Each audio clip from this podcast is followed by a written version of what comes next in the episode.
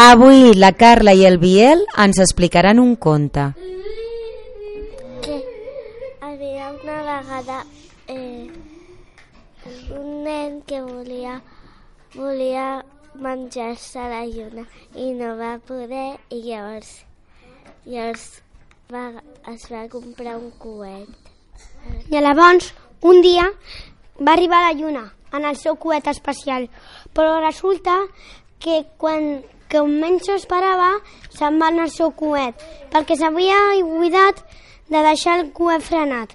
Aleshores, quan va anar caminant per la lluna una bona estona, es va trobar unes estrelles que li van dir «Per què estàs tan trist?» perquè va voler tornar a casa.